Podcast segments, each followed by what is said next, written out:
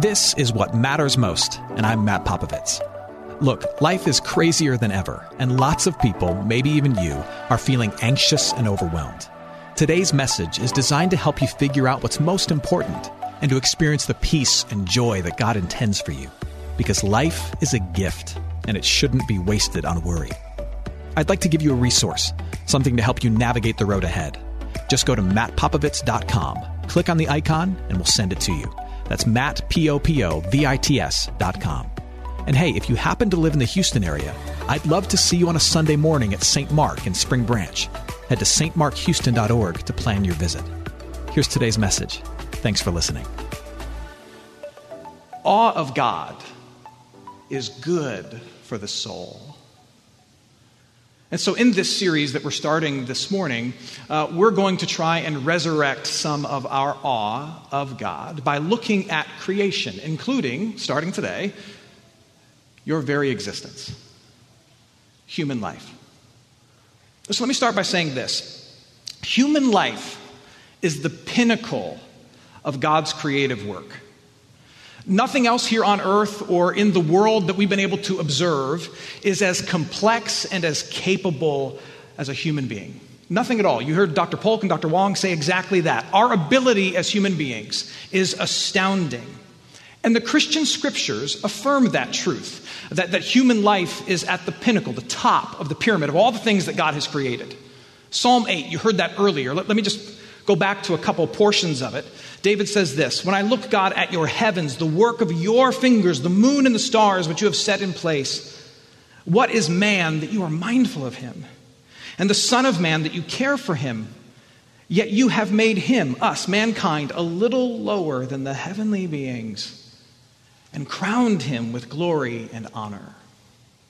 David is filled with awe as he thinks about all that God has made, and it's overflowing in praise. And he's writing this psalm, he's writing this song, and what he's saying is essentially this Everything I see is incredible, yet among your works, you have chosen us, human beings, mankind, to be the exemplar of all your abilities. Why us? Why not, why not dolphins? I mean, they're awesome. Why, why not mountains? I mean, they're epic. Why have you chosen to crown mankind with what he calls glory and honor? And that's what I want to dive into this morning. What does it mean for mankind, you and me, to be crowned with glory and honor? What is the glory that God has crowned you with? Well, I think any, any discussion like this has to start here. It has to start in the book of Genesis. And I'm not, I'm not going to read from the book of Genesis, but I want to remind you that there's an idea introduced in the earliest moments of the Christian scriptures. Uh, this idea is that mankind is made differently than everything else. In Genesis, you see everything being handcrafted by God, but God decides when He handcrafts us that He is going to make us as a reflection of the divine. You've probably heard it phrased like this mankind is made in the image of God. And what God does is, as He's going through and creating all the things, He goes through the same process for everything, except when He gets to us, He, he says out loud, I'm going to do things differently. And He does something with us that He didn't do when He made, you know, turtles or eagles or, you know, since we're in Texas, uh, roaches the size of a human head when he makes mankind, he says, I'm going to look in the mirror for inspiration. He uses something of himself as inspiration for making you, making me, making all of us. We are made in his image. Now, that's not to say that, that we are physically made in the image of God, as if God has, you know, two arms, two legs, and hair growing out of his ear. Hasn't happened yet. It will happen when you get older. So weird. That's not what it means to be made in the image of God. What it means to be made in the image of God is this that there are certain abilities and instincts within the human body that reflect the divine. There are certain things that we are capable of as the pinnacle of creation that are divine, that are a reflection of the divine nature of God. It's the fact that you can love deeply. It's the fact that you can grieve deeply. It's the fact that you can create things out of nothing. It's the fact that you can dream things and then do things.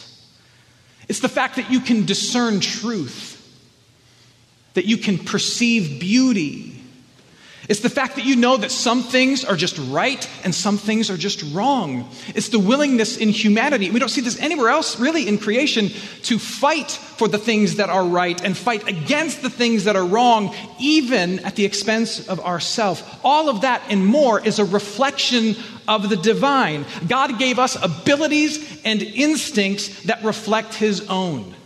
He made you, He made me, He made us in his image. That's part of what it means to be crowned with glory and honor that nothing else in creation has.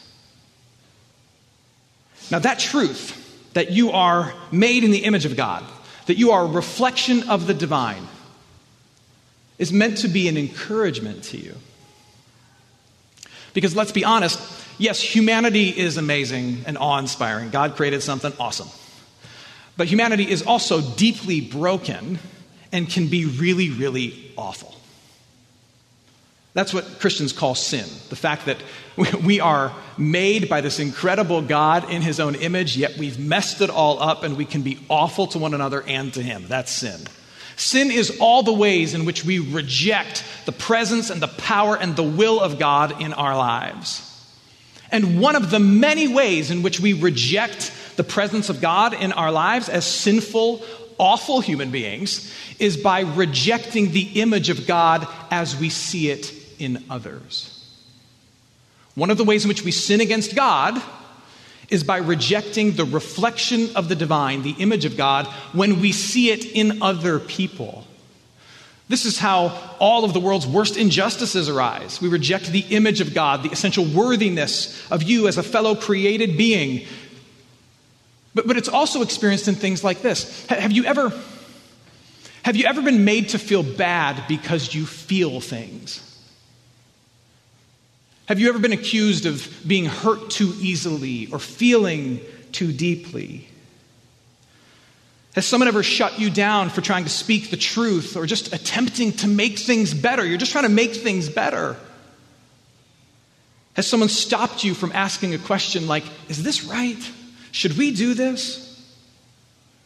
If you've experienced that, then you know how deep that pain goes when you feel as though someone doesn't want you to feel like you, like you naturally want to feel. They don't want to make things better. They don't want you to use your gifts. They don't want you to ask the tough questions. They don't want you to do those things. You know how difficult it is when someone shuts you down or shames you for those things. The reason it hurts so bad is because those things, a love for truth, a desire to create, a desire to feel and love and empathize. Those things are part of the divine image in you. And when someone shuts those things down, the reason it hurts so deeply is because they are rejecting the image of God in you. That's why it hurts. Which means if they have a problem with you because you feel and you love, or you want to help, or you want to build, or you want to improve, or you want to fight for the right thing, or you want to ask the faithful questions, their problem isn't with you, their problem is with Him. You should never feel bad for feeling. You should never be shamed for wanting to improve, or to help, or to build, or create something better. You, you should never be shut down for speaking the truth, because when these things are done in love, they are of God. So be encouraged. We are crowned with glory and honor. We're made in God's image. It also means that we are desired and sought after by God. The scriptures say we are crowned with glory and honor because we are desired by God and sought after by God in a way that nothing else in all of creation is. We are the one thing in all of creation that God has chosen to have a more intimate relationship with. Yes, God, God has a relationship in a sense with every aspect of creation, with animals, with oceans, and galaxies. But it's a different kind of relationship. It's a relationship of leadership. God is holding all things together, keeping all things going, getting all things moving. It's all held together in His hands. You know the old song, He's got the whole world in His hands. The whole of creation has a relationship with God, but it's a relationship of leadership. He's just in charge and He keeps it going. But we have a different relationship with God. Humanity has a different relationship. We, we not only experience His leadership, what we get to experience that nothing else gets to experience, we get to experience His love. That's what we get to experience. Think about this. Every part of creation is broken. It's beautiful, it's good ultimately, but, but it's all been affected by the ravages of sin and dysfunction. It's all broken, but we are the ones that he initiates a rescue plan for. We are the ones that he chooses to have a more intimate relationship with. Not anything else in all of creation, just us. You are the one that he decides to rescue. In fact, we are told that God's love for us is so unique, so special, that even the angels are a bit jealous of it. Did you know that? I've got a verse and everything. Peter says, 1 Peter chapter 1 verse 12, that God's work to save us, his love for humanity in Jesus Christ is something the angels long to look at. They don't long to look at the Grand Canyon, though it's beautiful. They don't long to look at the Swiss Alps or the dolphins swimming in Galveston Bay. They long to look at how God loves you through Jesus Christ. Because nothing else gets that attention.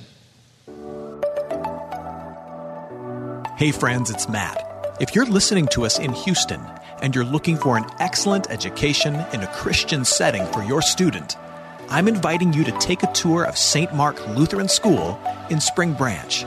We serve infants through eighth grade with an excellent faculty, brand new facilities, and a faith forward curriculum. To schedule your tour, head to gostmark.org.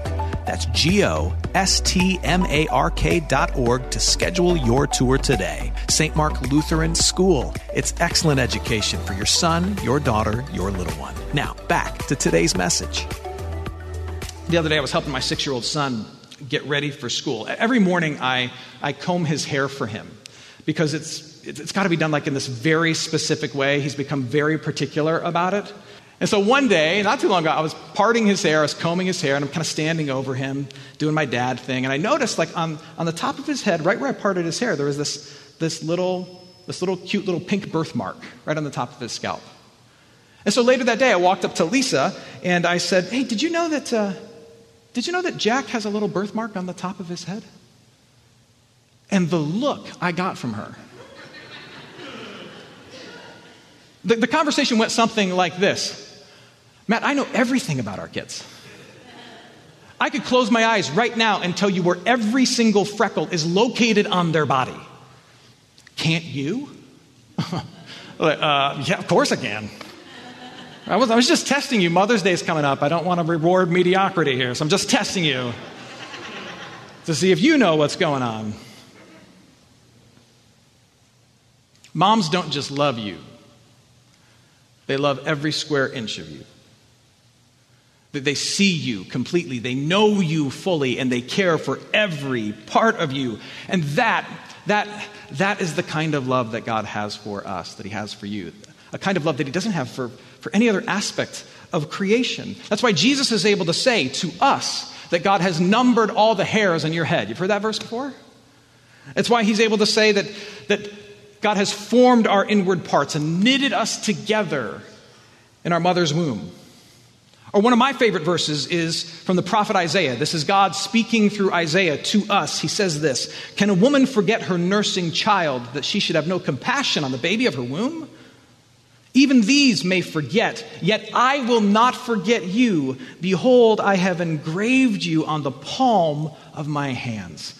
Th- this verse is so beautiful to me. Uh, Isaiah is saying, Look, you, you know how moms never let their eyes leave their newborn children. Yet, sometimes even moms sin and struggle. God's love for you is like a mother with her newborn child, but even greater. He will never lift his eyes off you. He will never forget you. Then he goes further, and God says, I have engraved you in the palm of my hands. In the ancient world, they would engrave and outline a, a, rough map of the city that a prophet belonged to so that they could remember where the walls were located and what the city looked like. And so, what God is saying here is, I have engraved an image of you on my hands so that whenever I look at my own hands, I can't help but see your face, your name, your needs. I will never not see you. Maybe you've never known that that's, that's, that's how God loves you. Maybe you've only ever heard that God is like mad about stuff and that He wants you to be a better person. Does God want you to be good? Sure. But that is so far down the list compared to the fact that He just wants you to know that He loves you. More than anything. Or maybe you've, you've only really ever known relationships where there's been distance and discord, and this whole idea of someone seeing you, the whole person, and loving every part of you is just foreign to you. I, want you to know that, that God sees you completely, and He loves you completely, and He's given us verse after verse after verse after verse. He sent His own Son to make that clear to you. He loves you, He loves you, He loves you. That's part of what it means to be crowned with glory and honor. God loves you like He loves nothing else. Nothing else. The, the other aspect of being crowned with glory and honor is this God is going to deliver you in body and soul. Here's what I mean by that you are made in God's image. You are desired and loved. And in the very end, He is going to deliver you, rescue you, the, the whole person. And we tend to lose sight of this. The, the full promise of the Christian faith is that when Jesus died and rose again, He didn't just do it to save your soul, He did it to save your body and your soul. He did it to save the, you, the whole person, the flesh and blood that committed sins, the flesh and blood that is tormented by pains and aches and being chased down by death, he did it to forgive this flesh and this blood, and to free this flesh and this blood from every remnant of sin and death and the grave. He did it not just to save your soul, but the whole person, body and soul. The full promise of the Christian faith is that when Jesus Christ comes back, he's going to resurrect, restore, and perfect not your soul, but your whole person your flesh, and your blood, and your bone, and your spirit. The whole person. And, and the reason that's important is because when we say God loves you, the whole you, we mean literally every part and piece of you. Even the stuff that you don't like when you look in the mirror, God loves all of it. And Jesus died to save and forgive, and one day He's going to return and resurrect and recreate all of it. And that promise is unique to humanity. The promise is that when Jesus comes back, everything else gets pushed away and new stuff gets made. Everything else gets replaced. It says new heaven, new earth. Old one goes away. New world, new place, new animals, new mountains, old stuff goes away. New one. It used to be a garden, it's going to be a city. It's all brand new. Humanity's the only thing that doesn't get done over. We don't get replaced. We get resurrected. We get perfected. We get recreated, but we don't get replaced. You want to know why? Because God loves you. He doesn't want to do over with you. So he sent his son to die to save you, and his son is going to come back and resurrect and perfect you, the person you are today flesh, blood, bone, and spirit, the whole thing. That's a promise that's unique to humanity. Nothing else in creation gets that promise, but you do. And that truth is meant to give you peace, because here's what I know about you and me. Sometimes when we look at our bodies, these miracles, all we can see are the mistakes that we've made with it. All we can see are the, the, the, lips that said words that we regret, the hands that did things to hurt people that we love, the feet that walked away from responsibility. Or we see the scars, the literal scars of life in a really difficult world. We see the evidence of that time that we fell down Or we see the evidence of the knee that was replaced or the lump that was removed. Or we look in the mirror and we see what everyone else says are imperfections about us. We see hair that's too thin, apparently, and a waist that's not, and a face that's too round, and a tooth that's crooked. And then what ends up happening is that this thing that's a miracle, that's a gift, that is the crown and glory of creation, rather than, rather than looking in the mirror and saying, hey, you're the crown and glory of creation, look at you. We look in the mirror and we loathe this thing. We hate this thing. Sometimes we even harm this thing. And rather than saying, You're the crown and glory of creation, you have a good day, what we say is, I hate this thing, I hate this thing, I hate this thing.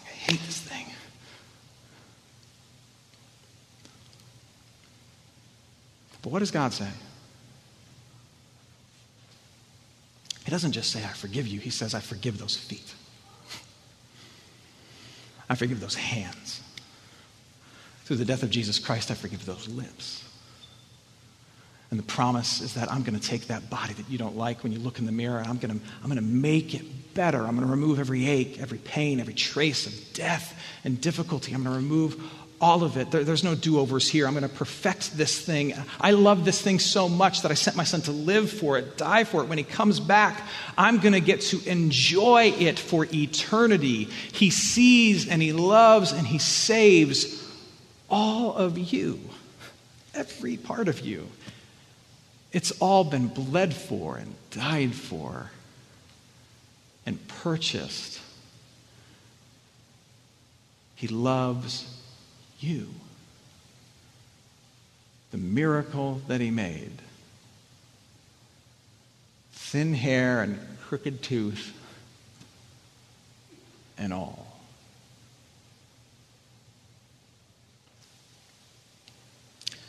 We take the greatness for granted, don't we? We take the beauty of this life and the glory of God for granted. Did you know that, that every second your body produces 25 million new cells? And that in 15 seconds' time, your body will have produced more new cells than there are people in the United States. Did you know that? That's insane. Did you know that there are, there are about 80,000 miles of blood vessel inside of your body? That's gross, but cool. That's enough blood vessel to wrap around the earth three times with some extra left over. This is amazing. And you know what? If the rest of us were to disappear from this planet, and you were the only one left, you. And I know there's things that you don't like about yourself. There's mistakes you've made. There's, there's scars on your flesh. There's, there's things you loathe about what you see in the mirror. But you, even with all of that, if you were the only person left in creation, it was just you and all the animals and all the glories of this earth, you were the only person left, you you, as you are today, you would still be the crown and glory of all that is. You. Yes, because you are more complex and capable than anything in this world, but more so because you you are made in the image and the reflection of God and you are desired and loved by Him, and you are being delivered by Him. He loves the whole person. That's what makes you the crown and glory of creation. So may you, may you be filled with gratitude for what God has made and what God has done. May you seek to be a good steward of this gift that He has given. And when you stand in the mirror, may you stand in awe because awe of God is good for the soul. Amen. Hey, it's Matt. I hope you enjoyed what matters most. Here's what I need you to know life is a gift, and it shouldn't be wasted on worry. I want to help you figure out what's most important and to experience the peace and joy that God intends for you. So for more content, you can head to mattpopovits.com. That's Matt, P O P O V I T S.com. There you can also support this ministry as well as access your free resource, a little something to help you navigate the road ahead. I'd also love to see you on a Sunday morning. If you're in the Houston area, head to stmarkhouston.org to plan your visit. In the meantime, Hit me up on Instagram at mpopovits or at facebook.com slash Matt Popovits Ministries. Thanks for listening. Now go and hold tight to what matters most.